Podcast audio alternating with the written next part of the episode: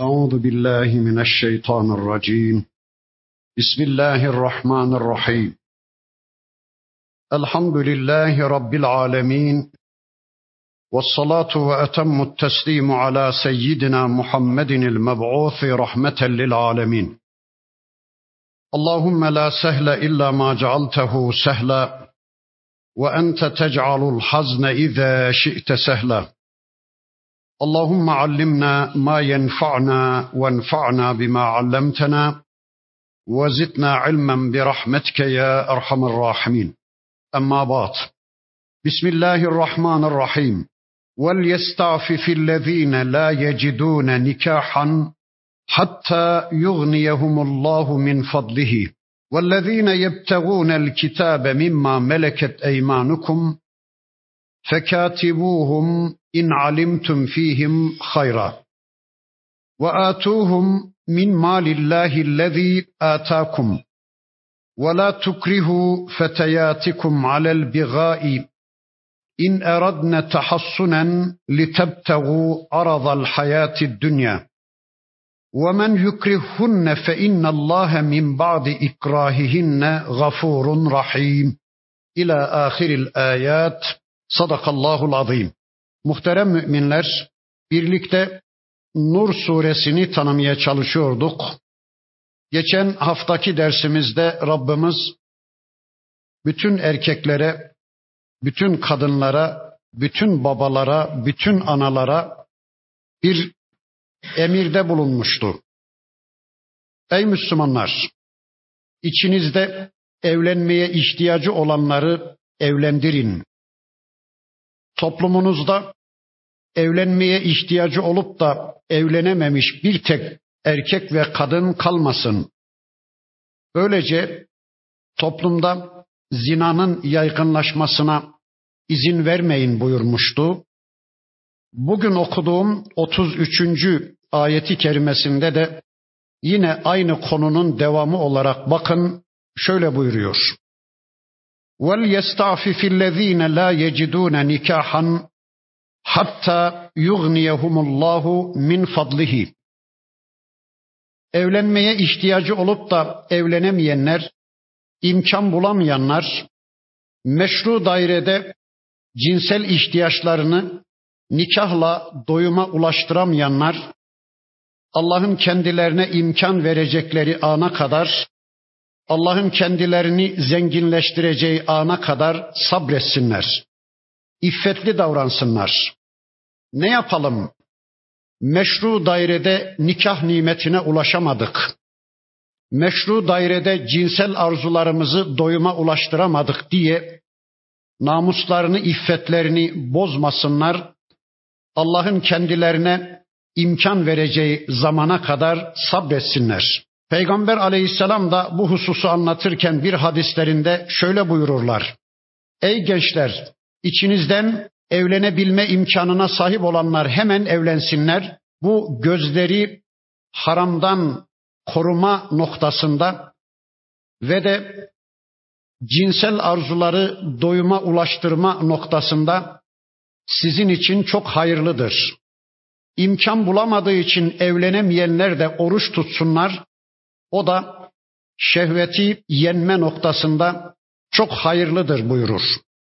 Yine sevgili peygamberimiz bir başka hadisi şeriflerinde Allah üç kişiye yardım etmeyi üzerine almıştır. Bunlardan birincisi iffetini korumak için evlenmek isteyen kişiye Allah yardım etmeyi üzerine almıştır. İkincisi mükatip köleye özgürlüğüne kavuşabilme niyetinde olan köleye Allah yardım etmeyi bizzat üzerine almıştır. Üçüncüsü cihada çıkmış bir Müslümana Allah'ın dinine aboneler kazandırmak üzere cennete üyeler yapmak üzere insanları diriltmek üzere cihada çıkmış bir Müslümana Allah yardım etmeyi bizzat üzerine almıştır buyurur. وَالَّذ۪ينَ يَبْتَغُونَ الْكِتَابَ مِمَّا مَلَكَتْ اَيْمَانُكُمْ فَكَاتِبُوهُمْ اِنْ عَلِمْتُمْ ف۪يهِمْ خَيْرًا Ey Müslümanlar! Kölelerinizden size belli bir bedel vermek, ve kendilerini azade kılmanız konusunda sizinle anlaşmak isteyenler olursa onlarda bir hayır gördüğünüz sürece hemen anlaşmalarını kabul edin. Eğer bir köle efendisine ben sana şu miktar parayı ödeyeyim, sen de beni azade eyle, sen de beni özgürlüğüme kavuştur diye bir anlaşma yapmak isterse diyor Rabbimiz, hemen kölelerinizin o anlaşmasını kabul edin. Zaten İslam köleliği bitirmek üzere gelmiş bir dindir. Sadece Medine'de yeni kurulmuş o site devleti ben köleliği kaldırdım deyiverseydi yeryüzünde kölelik kalkmayacaktı. Çünkü bütün dünyada kölelik müessesesi egemendi. Ama İslam köleliği kaldırmak için her fırsatta bunu teşvik etti. Mesela oruç mu yediniz, bir kefaret mi işlediniz, bir köle azat, azat edin dedi İslam. Ya da şöyle bir suçu mu işlediniz, hemen bir köle azat edin dedi. Böylece köle azadını teşvik etti İslam. İşte köleliğin kökünü kazımak üzere gelmiş bir dindir İslam. Bakın Allah diyor ki onlar sizinle böyle bir anlaşma yapmak isterlerse hemen anlaşmalarını kabul edin. Eğer onlarda bir hayır görürseniz, onlarda bir dindarlık görürseniz ya da borçlarını size ödeyecekleri konusunda bir hüsnü niyet görürseniz, bir sadakat görürseniz hemen anlaşmalarını kabul edin. Abdullah İbni Ömer Efendimizin köleleri varmış. Hazreti Ömer Efendimizin oğlu. Köleler Abdullah İbni Ömer bizi azat etsin diye onun göreceği yerde çokça namaz kılarlarmış. Ömer Efendimiz, Abdullah İbni Ömer Efendimiz de o kölelerini bir bir azat edermiş. Sahabeden demişler ki ey Abdullah o köleler sırf azat olmak için gösteriş maksadıyla namaz kılıyorlar. Seni kandırıyorlar demişler. Abdullah İbni Ömer Efendimiz diyor ki keşke beni namazla kandırsınlar. Ben namazla kanmaya razıyım. Keşke onlar beni namazla kandırsınlar. Bakın ayeti kerimenin devamında diyor ki Rabbimiz ve atuhum min malillahi lezi atakum. Üstelik Allah'ın size verdiği Allah'ın mallarını da onları özgürleştirmek üzere harcayın ey Müslümanlar. Kur'an-ı Kerim'de ben ilk defa bu ifadeyi burada gördüm. Malillah. Kendi mallarınızdan demiyor. Kendi mallarınızdan köleleri özgürleştirmek için harcayın demiyor da Rabbimiz. Min malillahi Allah'ın malından harcayın. Öyleyse kesinlikle bilelim ki cebimizdekiler bizim değil, kasamızdakiler, kesemizdekiler bizim değil, onların hepsi Allah'ındır. Öyleyse insanları özgürleştirmek üzere Allah'ın malından harcama yapmak zorundayız. Söyleyin Allah aşkına. Annenizden doğduğunuz gün bu mallarınız sizin miydi? Ananızdan dünya geldiğiniz gün bu köleler sizin miydi? O dönem için söyleyelim. Hayır. Hiçbirisi bizim değildi. Onların hepsini bize Allah vermedi mi? Bir gün bir ölümle biz onları terk edip gitmiyor muyuz? Ya da bir iflasla, bir sel felaketiyle, bir depremle o mallar bizi terk edip gitmiyor mu?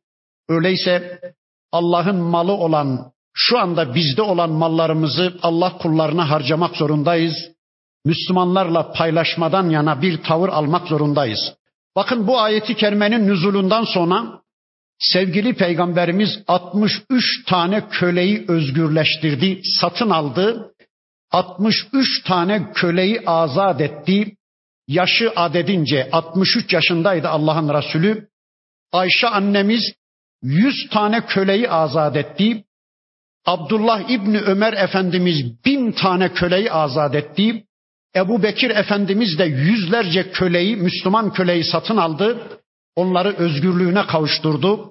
Hatta Ebu Bekir Efendimizin babası Ebu Kuafe henüz iman etmemişti. Oğlu Ebu Bekir'e dedi ki, oğlum madem ki para harcıyorsun, bu köleleri satın alıp özgürleştiriyorsun, hiç olmazsa güçlü kuvvetli köleleri satın alsan da bir çete filan kursan, işlerini gördürsen filan deyince bakın Ebu Bekir Efendimiz buyurdu ki babacığım vallahi ben öyle karlı bir işe yatırım yapıyorum ki sen onu anlayamazsın dedi. Yüzlerce köleyi Ebu Bekir Efendimiz de satın alıp özgürleştiriverdi. Sonra bakın Rabbimiz şöyle buyuruyor. وَلَا تُكْرِهُ فَتَيَاتِكُمْ عَلَى الْبِغَاءِ اِنْ اَرَدْنَ تَحَسُّنًا لِتَبْتَغُوا عَرَضَ الْحَيَاةِ الدُّنْيَا Ey Müslümanlar! Namuslu, iffetli olan cariyelerinizi bir dünya menfaatine ulaşmak maksadıyla sakın fuhşa zorlamayın. Bakın Medine'de geçen dersimizde demeye çalıştık. Münafıkların reisi Abdullah bin Übey bin Selul isimli o münafığın yüzlerce kölesi varmış, cariyesi varmış ve diyormuş ki bugün bana şu kadar parayı bulup getirin. Cariyeleri diyormuş ki biz bunu nereden bulalım bu kadar parayı bilmem. Satın kendinizi bu parayı bana getirin diyormuş. Böyle izzetsiz ve şerefsiz insanlar varmış Medine'de işte münafıklar. Bakın Allah diyor ki cariyeleriniz iffetli ve namuslu davranmayı istedikleri sürece sakın onları fuhşa zorlamayın. Onların sırtından gelir elde etmeye kalkışmayın. İşte şu anda da asiri kölelik, asiri cariyelik var. Genel evlerine doldurdukları kadınların sırtından para kazanan yığınlarla zalim var. Bakın Allah diyor ki öyle yapmayın. Cariyelerinizi, kölelerinizi fuhşa zorlamayın. وَمَنْ يُكْرِهُنَّ فَاِنَّ اللّٰهَ مِنْ بَعْدِ اِكْرَاهِهِنَّ غَفُورٌ rahim. Kim cariyelerini, kim elinin altındaki kadınları böyle fuhşa zorlarsa, zorlananlar suçsuzdur, zorlayanlar suçludur. Ben onlardan yarın intikamımı alacağım diyor Rabbimiz. Sonra şöyle buyuruyor. وَلَقَدْ اَنْزَلْنَا اِلَيْكُمْ ayatin mubeyyinatin muhakkak ki biz size her şeyi apaçık açıklayan ayetler indirdik. İşte Nur suresi için düşünecek olursak zina ve zinakarlara verilecek cezalar konusu, tertemiz kadınlara zina isnadında bulunan kimselere verilecek cezalar konusu, tertemiz kadınlara, tertemiz erkeklere iftira edenler konusu, sonra gözlerimizi mümin erkekler ve kadınlar olarak gözlerimizi nasıl koruyacağımız konusu, namuslarımıza, iffetlerimize nasıl sahip çıkacağımız konusu, evlere nasıl gireceğimiz konusu, bakın bütün bu konular işte bu surede anlatıldı. Bundan önceki surelerde anlatıldı. Allah diyor ki size her şeyi apaçık ortaya koyan, beyan eden ayetler indirdik. Ve meselen minellezine halev min kablikum bir de sizden öncekilerin misallerini, örneklerini de anlattık. Yani bu yasalarımız sizden öncekilere de gelmişti. Bu ayetlerimiz sizden öncekilere de indirilmişti. Sizden önceki toplumlar da bu yasalarımızla mükellefti. O toplumlardan bu yasalarımıza uygun hareket edenlerin nasıl başarıya ulaştıklarını, dünyada ve ukbada nasıl aziz ve şerefli bir hayata ulaştıklarını, o ayetlerimize, o yasalarımıza ters düşenlerin de nasıl helakımızın mahkumu olduklarını ben size anlattım diyor Allah. Öncekilerin örneklerini de anlattım. Ve mev'izaten lil muttakin ve müttakiler için hayatlarını Allah adına yaşamak isteyenler, Allah'ın koruması altına girenler, Allah'la yol bulmak isteyenler, hayat programlarını Allah'ın kitabına ve peygamberin sünnetine sorarak yaşamak isteyenler için mevizalar indirdik dedikten sonra bakın Rabbimiz bizi bir benzetme ayetiyle, bir teşbih ayetiyle karşı karşıya getirecek. Sahabe-i kiram efendilerimiz bu tür bir benzetme ayetiyle, bir teşbih ayetiyle karşı karşıya geldikleri zaman çok ürkerler, çok korkarlarmış. Neden? Acaba Rabbimizin bu ayetini anlayamayacak mıyız? Acaba Rabbimizin bu teşbihinde neyi kastettiğini kavrayamayacak mıyız diye sahabe-i kiram efendilerimiz çok korkarlar, tir tir titrerlermiş. Bakın işte şu anda biraz sonra okuyacağım. Bu sureye adını kazandıran bir ayet, Nur ayeti, bir teşbih ayeti biraz sonra okuyacağım. Bizler de belki zor anlayabileceğimiz anlamakta zorlanabileceğimiz bir ayetle karşı karşıyayız. Bizler anlamak zorunda olduğumuz bir ayetle karşı karşıyayız. Çünkü Allah bu ayeti anlayalım diye indirmiş. Bakın Ankebut suresinde bir ayeti kerimesinde Rabbimiz bu hususu anlatırken şöyle buyuruyor. وَتِلْكَ الْاَمْثَالُ نَضْرِبُهَا لِلنَّاسِ وَمَا يَعْقِلُهَا اِلَّا الْعَالِمُونَ Biz insanlara bu tür darbı meseleleri, bu tür mecazları indiririz. وَمَا يَعْقِلُهَا اِلَّا الْعَالِمُونَ Bunu da ancak alimler anlar. İşte bunu ancak alimler anlar ifadesinden dolayı sahabe-i kiram efendilerimiz acaba anlayamayacak mıyız diye tir tir titrerlermiş. Ben şimdi o ayeti okuyorum. İnşallah ağır ağır okuyayım. Her birerimiz üzerinde düşünelim. Kafa yoracağız, düşüneceğiz. Aklımızı, zihnimizi, duyularımızı bu ayeti anlamaya teksif edeceğiz. Bilenlerden soracağız ama sonra da şöyle dua edeceğiz. Ya Rabbi ne olur bizim fehmimizi artır. Bizim anlayışımızı artır da bu ayetini anlayabilelim. Biz de alimlerden olalım. Biz de senin övdüğün kişilerden olalım diye sürekli Rabbimize dua dua yalvaracağız. Bakın ayeti kerime şöyle. Allahu nurus semavati vel ardı. Allah göklerin ve yerin nurudur. Mefelu nurihi onun nurunun misali kemişkatin fiha mısbah içinde ışık bulunan bir kandil yuvası gibidir. El mısbahu fi zucace ışık bir cam fanusun içindedir. Ez zucacetu keenneha kevkebun durriyun cam fanus sanki parıl parıl parlayan bir yıldız gibi parlamaktadır. Yuqadu min şeceratin mübareketin zeytunetin la şarkiyetin ve la garbiyetin. Onun ateşi doğuya da batıya da mahsus olmayan, doğuya da batıya da ait olmayan çok mübarek bir zeytin ağacının yağından tutuşturulur. Yekadu zeytuha yudhi'u velev lem temseshu narun. Neredeyse o zeytin ağacının yağı ateş değmese de etrafını aydınlatacak. Nurun ala nur, nur üzerine nurdur. Yehdillahu li nurihi men yaşa. Allah dileyenleri o nuruna iletir. İsteyenleri Allah o nuruna ulaştırır. Ve yadribullahul emsale linnasi. İşte Allah insanlara böyle darbı meseller verir, örnekler verir, teşbihlerde bulunur. Vallahu bi kulli şeyin alim. Şüphesiz ki Allah her şeyi bilendir. Ne anladınız? Bakın önceki alimlerimiz, selef alimlerimiz bu ayet üzerinde uzunca söz söylemişler. Hatta ciltlerle kitaplar yazmışlar. Ben işte güneşten söz etmişler.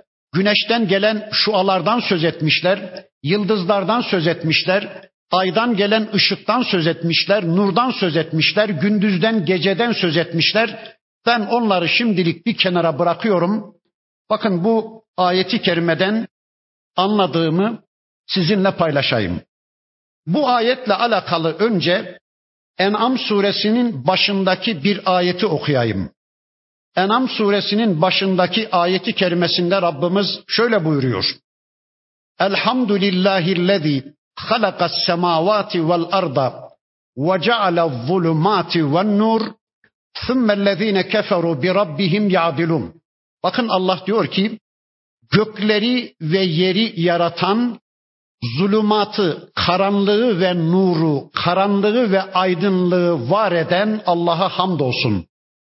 Hal böyleyken insanlardan kimileri tutmuşlar, Allah'ın yarattığı varlıkları yaratıcıya denk tutuyorlar. Kimileri maddeyi putlaştırmış, yaratıcı olan Allah'a denk tutuyor. Kimileri ayı, güneşi, yıldızları putlaştırmış, onları Allah yerine koyuyor, onlara tapınmaya çalışıyor. Kimileri karanlığı ve aydınlığı, zulümatı ve nuru putlaştırmış, yaratık olan zulümatı ve nuru yaratıcıya denk tutuyor. Halbuki bunların hepsi birer yaratıktır.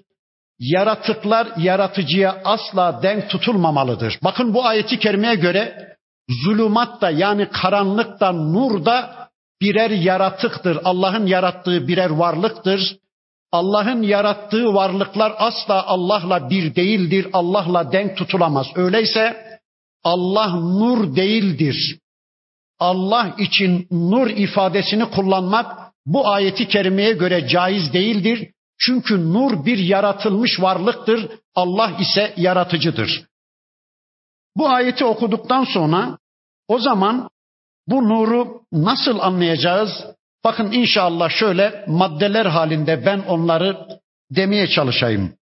Birincisi Allahu nuru semavati vel ard. Allah göklerin ve yerin nurudur ayetinin birinci manası. Allah varlığın sebebi ve kaynağıdır. Yeryüzündeki tezahürün, görünümün ortaya çıkışın sebebi ve kaynağı Allah'tır. Eğer Allah şu gördüğünüz varlıkları yaratmamış olsaydı yeryüzünde hiçbir varlık olmayacaktı. Öyleyse bu ayetin birinci manası Allah varlığın sebebi ve kaynağıdır şeklinde anladık. İkincisi nur kelimesi kitap ve sünnette ilim anlamına kullanılır. İlim aydınlıktır, cehalet de karanlıktır. Öyleyse bu ayete şöyle mana vereceğiz. Allah ilmin kaynağıdır. Allah bilginin kaynağıdır. Eğer Allah yeryüzüne bilgisini indirmeseydi, eğer Allah yeryüzüne vahyini indirmeseydi, yeryüzünde cehaletten başka bir şey olmayacaktı. Bir üçüncü anlamıyla nur varlık, zulümat da yokluk anlamına gelir. Öyleyse yokluktan varlığı çıkaran Allah'tır. Demin de ifade ettiğim gibi Allah tüm varlıkların var edicisi, yaratıcısıdır, kaynağıdır. Üçüncü olarak bir de böyle anladık. Dördüncü olarak şunu söyleyeyim. Nur Kur'an'da Kur'an olarak anlatılır. Nur Kur'an'dır. Bakın Rabbimiz Tegabun suresinde bir ayeti kerimesinde bu hususu anlatırken şöyle buyuruyor. Feaminu billahi ve rasulihi Ey müminler Allah'a ve Resulüne, Allah'a ve elçisine iman edin. Ve nurillezî enzelna. Bir de indirdiğimiz nura iman edin. Allah ne indirdi? Allah kitap indirdi. Öyleyse nur Kur'an'dır. Yine kitabımızın bir başka suresinin bir başka ayetinin beyanıyla nur Peygamber aleyhisselamdır. Nur Muhammed aleyhisselamdır. Bakın Rabbimiz ayeti kerimesinde şöyle buyuruyor. O da Ahzab suresinde Ya eyyühen nebiyyü inna erselnake şahiden ve mubeşşiran ve nezira ve da'iyen ilallahi biiznihi ve siracen münira. Ey peygamberim seni müjdeleyici ve uyarıcı olarak gönderdik. Bir de Allah'ın izniyle insanları Allah'a davet edici olarak görevlendirdik. Bir de seni nur saçan bir kandil olarak, nur kaynağı olarak gönderdik. Böylece işte Rabbimizin bu Ahzab suresindeki ayeti kerimesinden de anlıyoruz ki nur Muhammed Aleyhisselam'dır. Son bir madde daha söyleyeyim. O da nur Allah'ın gönderdiği dindir. Allah'ın yeryüzüne gönderdiği hayat programı İslam'dır. Bakın Kur'an'da bir başka ayeti kerime de bu hususu şöylece ortaya kor. Yuridune li yutfi'u nurallahi bi efvahihim vallahu mutimmu nurihi velev kerihel kafirun. Allah diyor ki kafirler ağızlarıyla Allah'ın nurunu söndürmek istiyorlar. Halbuki kafirler istemese de Allah nurunu tamamlayacaktır. Buradaki nurdan kasıt da Allah'ın dinidir. Allah'ın yeryüzüne gönderdiği hayat programı olan İslam dinidir. Öyleyse bakın nur Kur'an'dır. Nur Muhammed Aleyhisselam'dır. Nur Allah'ın yeryüzüne gönderdiği dindir. Burada bir zeytin yağından söz etti Allah.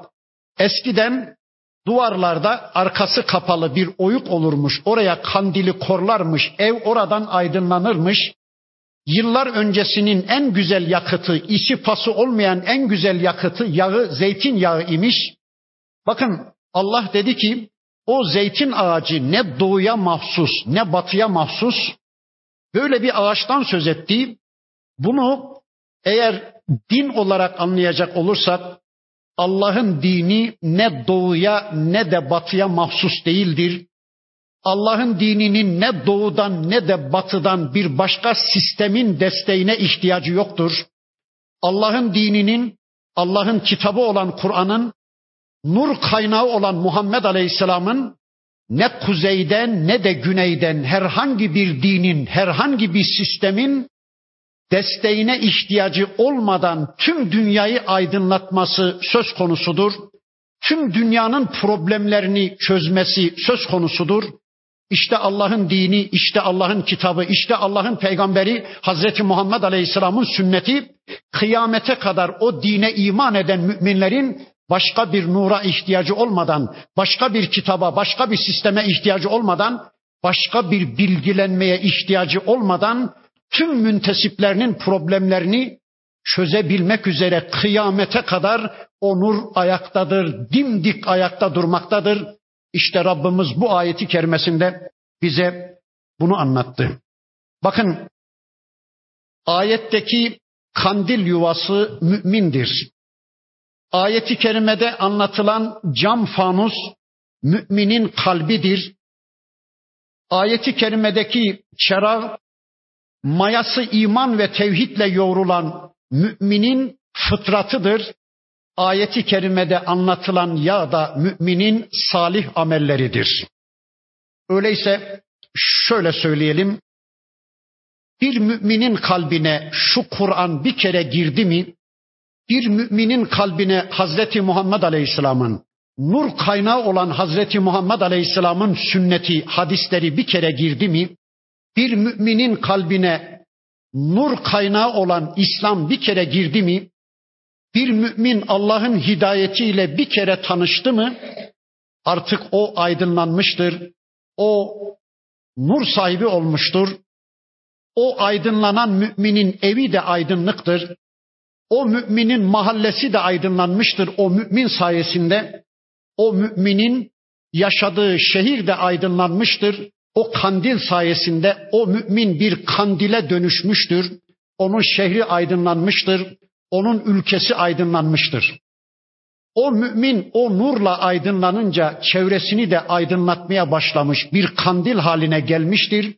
İşte Rabbimiz bu ayeti kerimesinde bize bunu anlatıyor. Bakın diyor ki nur üstüne nurdur.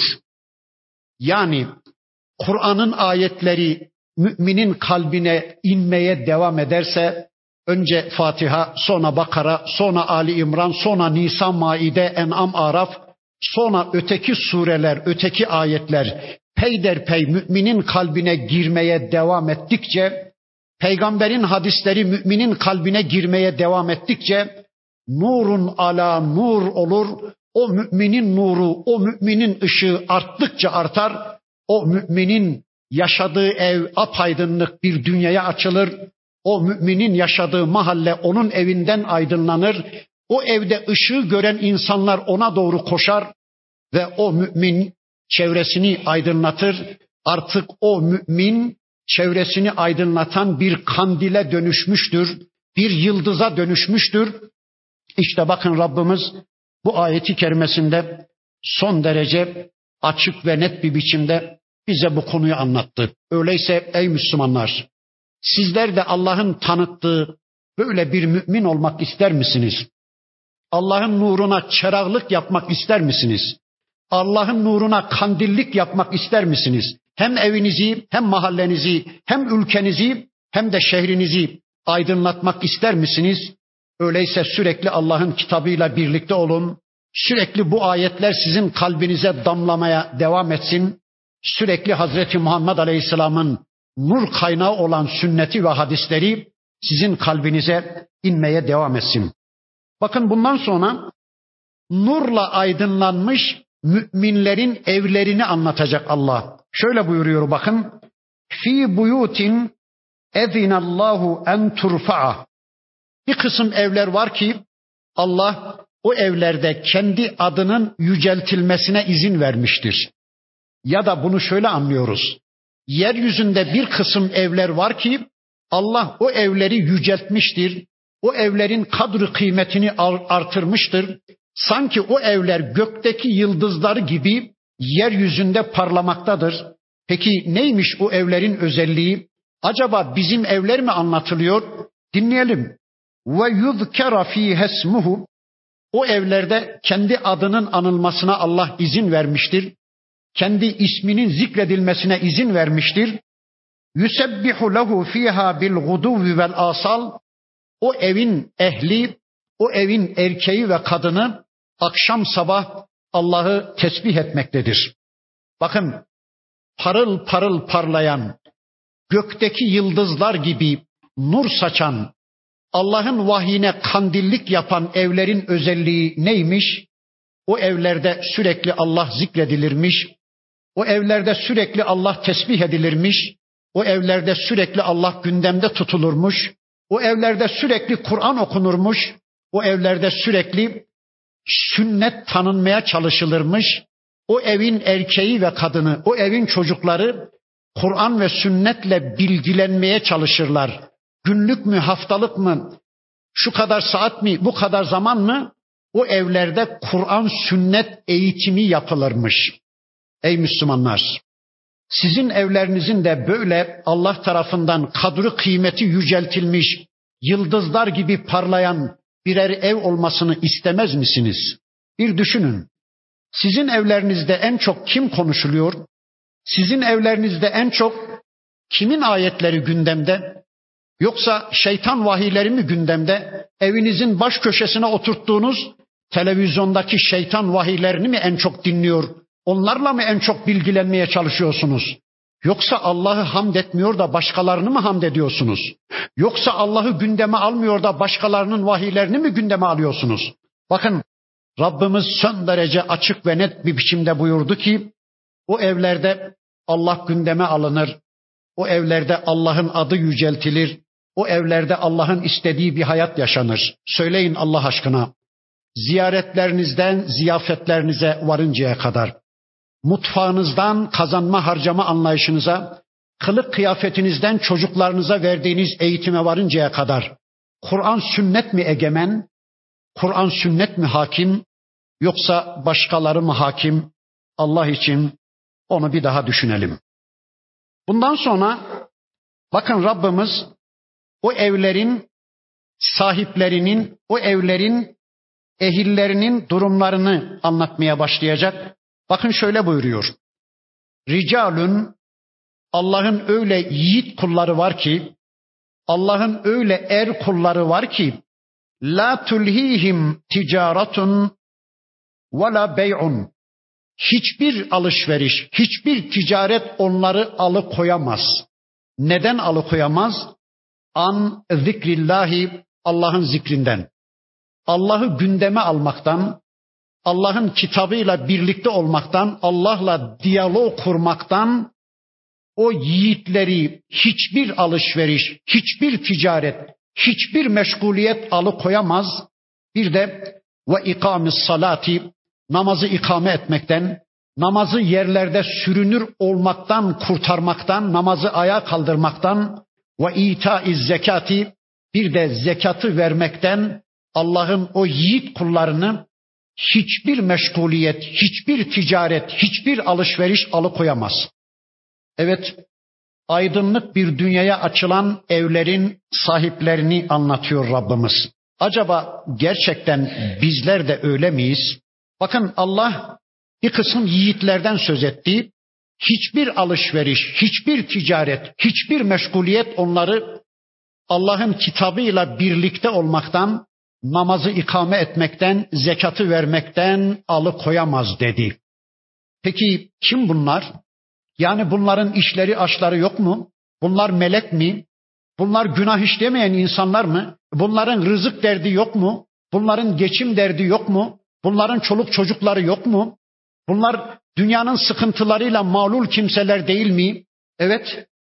Bunların dükkanları, tezgahları var. Çünkü öyle olmasa zekat veremezler. Bakın Allah diyor ki zekat vermekten onları da hiçbir meşguliyet alıkoymaz. E ticaretleri, dükkanları, işleri, aşları olmasa e bunlar nasıl zekat verecekler? Evet. Dükkanları da var, tezgahları da var. Dükkanlarını, tezgahlarını kapatmış değiller bunlar ama hayatlarının hiçbir programı, hayatlarının hiçbir meşgul, meşguliyeti bunları namazdan alıkoyamaz, zekattan alıkoyamaz. Hangi ortamı yaşarlarsa yaşasınlar, hangi şart altında bulunurlarsa bulunsunlar, namazsız bir hayatı asla kabullenmez o müminler, zekatsız bir hayatı asla kabullenmez. Kim bunlar? Bunlar ne doğuda ne batıla Doğuda da var bunlar, batıda da var bunlar, kuzeylerde de, güneylerde de var bunlar. Bunlar yeryüzünün her tarafında mevcut olan yiğit müminlerdir. Bunlar Allah'ın vahyinin çerağıdır, kandilleridir. Bunlar dünyayı aydınlık bir dünyaya çıkarmanın kavgasını verirler. Bunlar kendileri yemezler, başkalarına yedirirler. Bunlar kendileri giymezler, başkalarına giydirirler. Bunlar başkalarının çocuklarını bile kendi çocukları bilirler. Onları da cennete kazandırmanın kavgasını verirler. Dünyada zulümlere, dünyada haksızlıklara engel olurlar. Dünyada karanlıkların tümüne, karanlık sistemlerin tümüne savaş açan kimselerdir bunlar. Bunlar ister fakir ister zengin fark etmez. Bunlar ister hür olsunlar ister köleleştirilmiş olsunlar. Bunlar ister zayıf ister güçlü olsunlar fark etmezler. Şu özellikleriyle bunlar yeryüzüne ışık tutan Allah'ın kandilleridir. Bunlar vahyin çerağlarıdır.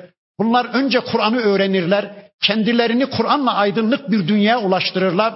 Sonra tüm çevrelerini aydınlık bir dünyaya ulaştırmanın, tüm çevrelerine Allah'ın ayetlerini aydınlık Peygamber Aleyhisselam'ın hadislerini, sünnetini ulaştırmanın kavgasını veren insanlardır. Bunlar namazla Allah'tan mesaj alan, zekatla da o mesajı Allah kullarıyla paylaşan müminlerdir. Biliyorsunuz namaz Allah'tan mesaj alma makamı, zekat da alınan bu mesajı Allah kullarıyla paylaşma makamıdır. Bunlar namaz ve zekatla toplumsal problemleri çözümlemeye çalışan, toplumdaki tüm haksızlıkların kökünü kazımaya çalışan Allah'ın yiğit kullarıdır. Bakın Allah diyor ki yehafune yevmen bunlar öyle bir günden korkarlar ki tetekallabu fihil kulubu vel absar o günde gözler ve kalpler yerinden oynamıştır, tepe takla gelmiştir. Allahu Ekber. Gözlerin gözlükten çıktığı, kalplerin de kalplikten çıkacağı bir günden korkarmış bunlar. Gözlerin ve kalplerin döndüğü bir günden tir tir titrermiş bunlar. İşte bu endişe onları bu yola sevk edermiş. Demek ki böyle yiğitler olabilmenin yolu ahiret endişesinden geçermiş. Eğer bir insan yahu ben yarın ne yaparım? İnsanın insanlıktan çıktığı bir günde, gözlerin döndüğü, kalplerin döndüğü bir günde ben ne yaparım, ne ederim? Kendimi nasıl kurtarırım? Kendimi öyle bir dehşetten nasıl korurum? Endişesi taşıyan insanlar bu özelliğe sahip olan insanlarmış ama ahireti iki kaşlarının arasında hissetmeyenler, yarın ne yaparım, ne ederim endişesi duymayanlar bu özelliğe sahip olamazmış. Öyleyse gelin ey Müslümanlar ahireti iki kaşımızın arasında hissedelim. Yahu ben yarın ne yapar ne ederim? Rabbime karşı kendimi nasıl savunabilirim? Hangi amellerle Rabbimin huzuruna çıkabilirim? Ne yüzle ben Rabbimin huzuruna çıkabilirim? Ben Kur'an'ın çerağı olmak zorundayım. Ben sünnetin kandili olmak zorundayım. Ben kitabı ve sünneti tanımak, kendimi aydınlattıktan sonra evimi, mahallemi, şehrimi, ülkemi, tüm dünyayı aydınlatmak zorundayım diye bu yola inşallah biz de girelim. Bakın Allah diyor ki liyedziyehumullahu ahsene ma amilu. Allah Allah. Şu ifadeye bakın. Allah da böyle yaşayan müminlerin amellerinin en güzeliyle onlara mükafat verecek. Allahu Ekber. Önce de geçti böyle bir ayet. Önceki derslerimin birisinde de geçti. Orada söyledim ama yeri gelmişken burada bir daha söyleyeyim. Bakın Allah diyor ki böyle yaşayan yiğitlerin amellerinin en güzeliyle biz onları mükafatlandıracağız. Allahu Ekber. Dünyada en güzel kıldığınız namaz ne zamandı bir düşünün. En ihlaslı kıldığınız bir namaz. En güzel eda ettiğiniz bir namaz hangisiydi? Bütün namazlarınızı Allah onunla çarpı verecek. Bütün namazlarınızı Allah o namazınız gibi kabul ediverecek. Dünyada en güzel verdiğiniz infakı ne zaman yapmıştınız? Çok ciddi bir sıkıntıyı gidermiştiniz. Dertli bir müminin yüzünü güldürmüştünüz. Bir probleme çözüm getirmişti sizin infakınız. En ihlaslı, en samimi verdiğiniz o infakınız hangisiydi? Allah tüm infaklarınızı onunla çarpı verecek, onun gibi kabul ediverecek. Bir zalim karşısında hakikati haykırmıştınız bir gün Allah adına. Allah'ı savunmuştunuz. Allah'ın dinini savunmuştunuz. Zalim bir iktidar karşısında hakkı haykırmıştınız ya. Tüm konuşmalarınızı Allah o haykırışınızla çarpı verecek. O ameliniz gibi kabul ediverecek. Ne muazzam bir mükafat bu. Sonra devam ediyor bakın Rabbimiz. Ve yezidehum min fadlihi. Bir de üstelik fazlından, kereminden Allah daha da artıracak. Allah Allah. Daha da artıracak diyor. Bire bazen on, bire bazen yüz, bazen bire yedi yüz, bazen bire bin, bazen bire otuz bin, bazen bire yüz bin, bazen de ezaafen muzaafe kat kat. Yani hesap edemeyeceğiniz cinsten Allah diyor ki ben fazlımdan, keremimden daha da artıracağım. Ya Rabbi bize de artır. Vallahu yerzuku men yeşâ'u bi gayri hesap. Şüphesiz ki Allah kullarını hesapsız bir biçimde rızıklandırır, rızıklandırandır. Kimse ona hesap soramaz. Evet, müminleri anlattı Rabbimiz. Aydınlık bir dünyanın insanlarını anlattı. Şimdi de karanlık dünyanın insanlarını yani kafirleri, nurdan nasipsiz olanları, ışıktan, vahiden, dinden nasipsiz olanları anlatmaya başlayacak. Bakın şöyle buyuruyor. وَالَّذ۪ينَ كَفَرُوا اَعْمَالُهُمْ كَسَرَابٍ Kafirlerin amelleri, kafirlerin düşünceleri, kafirlerin ekonomik, siyasal hayatları, kafirlerin sosyal ve siyasal yapılanmaları, yani kafirin tüm hayatı bir serap gibidir. Bir kıyatin ıssız çöllerdeki bir seraba benzer. Serap.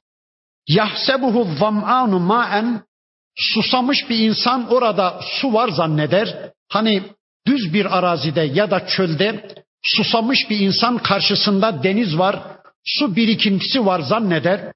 Oraya doğru koşar. Hatta iza caehu nihayet oraya vardığı zaman lem yecidhu şey'a orada hiçbir şey bulamaz. Ne su var, ne göl var, ne deniz var. İşte buna serap denir değil mi? İşte bakın kafirin hayatı böyledir diyor Allah. İnşallah açıklayacağım. Ve vecedallâhe indehu kafir su aramak üzere, hakikati aramak üzere gittiği o yerde Allah'la karşı karşıya gelir. Allah'ı bulur. Fevakkahu hisabahu Allah da orada onun hesabını görüverir. Allah da orada o kafiri geberti verir. Vallahu seri'ul hesab. Şüphesiz ki Allah hesabı çok seri olandır. Hesabı çok seri görendir. Ne anlattı Rabbimiz bu ayeti kerimesinde? Bakın kafirin hayatı bir serap gibidir. Suyun peşinde koşar. Hakikatin peşinde koşar. Hakikati bulacağım diye Allah'a müracaat etmez, vahye müracaat etmez, Allah'ın kitabına, Allah'ın elçisine sormaz, kendi aklıyla, kendi mantığıyla gerçeği bulacağım diye, hakikati bulacağım diye bir batılın peşine düşer. İşte şu anda öyle değil mi? Adamlar yasa yapıyorlar, tamam bulduk diyorlar, en güzel yasayı bulduk diyorlar. En fazla üç yıl dayanıyor. O yasa çöpe atılıyor. Bulduk zannediyorlardı. Doğruyu bulduk zannediyorlardı. O yasayı çöpe atıyorlar. Tamam diyorlar bundan sonra daha güzelini yapacağız, daha güzelini bulacağız. Yeni bir yasa yapıyorlar. Tamam bulduk diyorlar. Gerçeğe ulaştık diyorlar. Hakikati bulduk diyorlar. İnsanları mutlu edebilecek en güzel sistemi yaptık diyorlar. 3-5 yıl dayanıyor. O da çöpe atılıyor. Bakın kafirin bütün hayatı seraptır. Hakikat zannıyla batılların peşine düşer ve geberdiği anda da Allah'ı bulu verir. En son Allah'ı bulu verir. Allah'ın cehennemiyle, Allah'ın yargılamasıyla, Allah'ın hesabı kitabıyla karşı karşıya geli verir. İşte kafirin karanlık dünyasını Allah bu örnekle anlattı. Bir başka şekliyle bunu şöyle de anlayabiliriz. Kafir Allah'ı bitirdim der. Benim aklım var, benim fikrim var, benim keyfim var, benim zevkim var. Nereden kazanıp nerede harcayacağımı, nasıl giyineceğimi, çocuklarımı nasıl eğiteceğimi, hukukumu, siyasetimi, sosyal ve siyasal yapılanmamı nasıl belirleyeceğimi pekala ben de bilirim. Benim keyfim var, benim zevkim var, benim aklım mantığım var. Nasıl bir hayat yaşayacağımı, hayatıma nasıl bir program çizeceğimi ben de bilirim. Benim Allah'a ihtiyacım yok. Benim peygambere de ihtiyacım yok. Benim kitaba da ihtiyacım yok. Ben bilimimle her şeyi çözerim. İşte şu anda bilimin çözemediği bir şey kalmadı. Ben bilimle her şeyi çözerim diye bir serabın peşinde, bir batılın peşinde koşarken en son ölümle karşı karşıya geli veriyor kafir. Bir ömür beyhude, hovardaca harcanmış. En son Allah'ın değer yargısıyla, Allah'ın cehennemiyle, Allah'ın sorgulaması ve azabıyla karşı karşıya geli veriyor kafir. İşte kafirin tüm hayatı böyle bir seraptan ibarettir. Bir başka örnek daha verecek Rabbimiz. Evke zulumatin fi bahrin lucciyin Kafirin hayatına bir örnek daha vereyim diyor Allah. Kafirin hayatı ıssız denizlerde bir karanlığa benzer. Bakın diyor ki Yağşahu mevcun min fevkihi mevcun üst üste dalgalar onu kuşatmıştır. Şimdi bir gemi düşünün. Geminin içinde, denizde, okyanuslarda yol almak durumunda olan bir grup insan düşünün. Dağlar gibi dalgalar onların üzerine gelmeye başlamış. Simsiyah dalgalar. Sonra min fevkihi sahabun bir de üzerlerine simsiyah bir bulut inmiştir. Yıldızların ışığına bile engel olacak, yukarıdan ışık sızdırmayacak kesif bir bulut, simsiyah bir bulut geminin üzerine inmiştir. Zulumatun ba'duha fevka ba'din üst üste karanlıklar, deniz karanlık, denizin dibi karanlık, dalgalar karanlık, gökyüzü karanlık, bulut karanlık, üst üste karanlıklar altında kalmış insanlar. Gemi o dağlar gibi dalgaların etkisiyle bir aşağıya doğru iniyor. Sanki denizin dibine ini verecek. Bir yukarı doğru kalkıyor. İşte böyle can havliyle kurtulmak isteyen, ölüm korkusuyla yüreği ağzına gelmiş bir insan düşünün. İşte kafirin hayatı budur. Allah Allah. İşte kafirin hayatı budur diyor Rabbimiz. İza ahrace yedehu lem yeket yaraha elini uzatsa göremeyeceği kadar karanlığın içindedir. Hani burnunun dibini göremiyor filan diye karanlık tasvir edilir ya elini uzatsa diyor Allah elini göremeyecek kadar karanlık bir atmosferde böyle bir anoforun içinde ölüm korkusuyla çırpınan, can hıraş çabalayan bir insan düşünün. İşte kafirin tüm hayatı böyledir diyor. Kafasında binlerce soru işareti var. Ölüm ne? Hayat ne? Niçin bu dünyada varız? Bizi bu dünyaya kim getirdi? Öldükten sonra başımıza neler gelecek? Bu hayatın anlamı nedir? Kabir nedir? Hesap kitap nedir? Kafasında bin türlü soru işareti var kafirin. Dünyası karanlıktır Zerre kadar bir önünü aydınlatacak ışığı yoktur kafirin. Çünkü nur Kur'an'dır. Nur, nur vahidir. Nur peygamberdir. Nur Allah'ın dinidir. Allah'ın kitabına, Allah'ın dinine, Allah'ın peygamberine başvurmayan bir kafir nuru nereden bulsun da bakın en sonunda şöyle diyor. وَمَنْ لَمْ يَجْعَلِ اللّٰهُ لَهُ نُورًا فَمَا لَهُ مِنْ nur. Allah kimin için nur kılmamışsa yani adam kendisi nurdan yana tavır almamış, nur elde etmek, ışık, ışık bulmak üzere Kur'an'a sünnete müracaat etmemiş, Allah da onun için nur yaratmamışsa bu adam nuru nereden bulacak? Nur sahibi nereden olacak diyor Rabbimiz. İşte kafirin hayatı bu.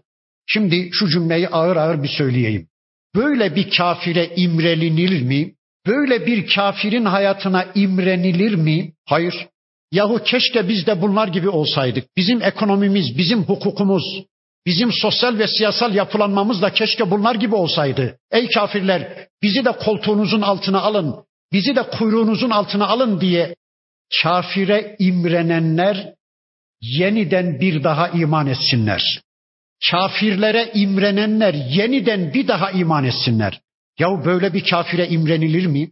Kesinlikle hayır. Dedikten sonra Rabbimiz bakın bizi görsel birkaç ayetiyle göz göze, yüz yüze getirecek. Bakın şöyle buyuruyor. Elem tera görmüyor musun? Ennallâhe yusebbihu lehu men fis semavati vel ard. Göklerde ve yerde ne varsa canlı ve cansız hepsi Allah'ı tesbih ediyor. Ve tayru. Kuşlar da saf saf Allah'ı tesbih ediyor. Kullun her bireri göklerde ve yerde canlı ve cansız her bir varlık kat alime salatehu salatını bildi, duasını, kulluğunu, ibadetini bildi ve tesbihahu tesbihatını bildi. Bakın bu ayetinde Allah şunu söyledi. Ey kullarım görmüyor musunuz? Göklerde ve yerde canlı ve cansız ne varsa hepsi Allah'ı tesbih ediyor. Ey kafirler! Canlı ve cansız varlıklar Allah'ı tesbih ederken, kuşlar bile Allah'ı tesbih ederken, bitkiler, hayvanlar bile Allah'ı tesbih ederken, yeryüzünde onlardan çok daha şerefli bir biçimde yarattığım, çok mükerrem bir biçimde yarattığım siz insanların beni tesbih etmemesi, bana kulluğa yanaşmaması, bana ibadete yönelmemesi sizin için ne kadar onur kırıcı, ne kadar utanç verici bir durum değil mi? Bunu hiç düşünmüyor musunuz? Göklerde ve yerde canlı ve cansız, en küçük bir böceğinden en büyük bir yıldızına varıncaya kadar hepsi Allah'ı tesbih ediyorken sizin kendi kendinizi tesbih etmeniz, kendiniz gibi aciz varlıkları tesbih etmeniz, kendi fikirlerinizi, kendi sistemlerinizi tesbih etmeniz, hamd etmeniz sizin için utanç verici bir şey değil mi diyor Rabbimiz. Bütün varlıklar Allah'ı tesbih ediyor. Önceki derslerimin birisinde söylemiştim. Bir varlığa Allah nasıl bir rol biçmişse, bir varlığı Allah ne için yaratmışsa onun boynuna nasıl bir görev yüklemişse o varlığın Allah'ın kendisine yüklediği o rolü oynamasının adına tesbih diyoruz. Ateşe Allah yakacaksın demiş, ona öyle bir rol biçmiş. Ateşin yakışı onun tesbihidir. Bülbülün ötüşü onun tesbihidir. Gülün kokuşu onun tesbihidir. Bıçağın kesmesi bıçağın tesbihidir. Çünkü Allah ona öyle bir rol yüklemiş. Bulutun yağmur yağdırması bulutun tesbihidir. Rüzgarın bulutları kovalaması, kokuları ve dokuları farklı yerlere götürüp getirmesi rüzgarın tesbihidir. Güneşin ısı ve ışık göndermesi güneşin tesbihidir. Elma ağacının elma vermesi o ağacın tesbihidir. Koyunun süt vermesi, arının bal yapması onun tesbihidir. Yani bir varlığı Allah ne için yaratmış? O varlık o yaratılış gayesi istikametinde hareket ediyorsa bilelim ki o o varlığın tesbihidir. Allah kullarından da tesbih istiyor. Sonra diyor ki ve ilallahil masir ey kullarım isterseniz tesbih etmeyin, isterseniz bana kul olmayın, bana düşmanca bir tavır takının ama şunu unutmayın dönüşünüz banadır, hesabı bana ödeyeceksiniz. Elem tera görmüyor musunuz? Görmüyor musun ey Müslüman? Ennallâhe yüzci sahaben Allah bulutları gönderir. Sümme yüellifu beynehu aralarını telif eder, birleştirir. Öyle ayrı ayrı duran bulutlar varsa şöyle sıkıştırır, aralarını birleştirir. Sümme yec'aluhu rukamen sonra üst üste onları istif eder, sıkıştırır. Böylece yoğunlaştırır bulutları. Feteral vatka yahrucu min hilalihi siz de o bulutların arasından suların indiğini, yağmurların yağdığını görürsünüz. Kim yapar bunu Allah'tan başka? gökten bir damla su indirecek birilerini biliyor musunuz? Yok değil mi? Ve yunezzilu mines semai min cimalin fiha min berdin yine gökten içinde dolu bulunan dağlar gibi bulutları da Allah indirir. İçinde dolu bulunan dağlar gibi bulutları indirir. Fe yusibu bihi men yaşa dilediği arazilere onu isabet ettirir ve yasrifuhu ammen yaşa dilediği arazileri de ondan korur. Allah Allah. Görürsünüz ben köyde çok gördüm.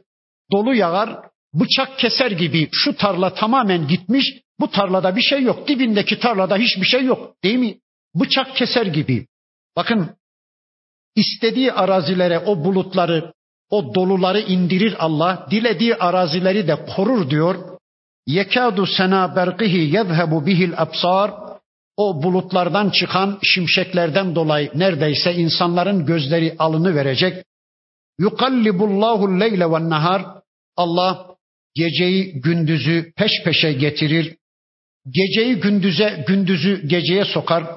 İnne fî zâlike le'ibraten li ulil absar.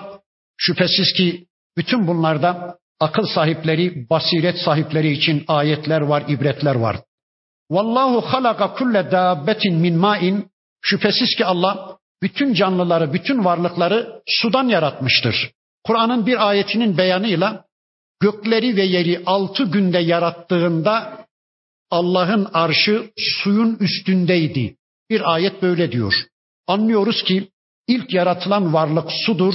Diğer canlıların, diğer varlıkların tümü sudan yaratılmış. Feminhum men yemşi ala batnihi Allah'ın yarattığı varlıklardan kimileri karınları üstünde sürünerek yürür. İşte yılan gibi, çıyan gibi. Ve minhum men yemşi ala ricleyni. İnsan gibi kimileri iki ayakları üstünde yürür. Ve minhum men yemşi ala erba. İşte deve gibi, merkep gibi, at gibi kimileri de dört ayakları üzerinde yürür. Yahlukullahu ma yaşa. Allah dilediğini yaratır. Kimse bu konuda ona hesap soramaz. İnnallaha ala kulli şeyin kadir. Şüphesiz ki Allah her şeye kadirdir, her şeye güç getirendir. Zamanımız doldu inşallah. Burada kalalım. Önümüzdeki hafta kaldığımız yerden Rabbimizin öteki ayetlerini tanımak için tekrar bir araya gelmek üzere Allah'a emanet olun. Subhaneke Allahumma ve bihamdik. Eşhedü en la ilahe illa ente estağfiruke ve etubu ileyk.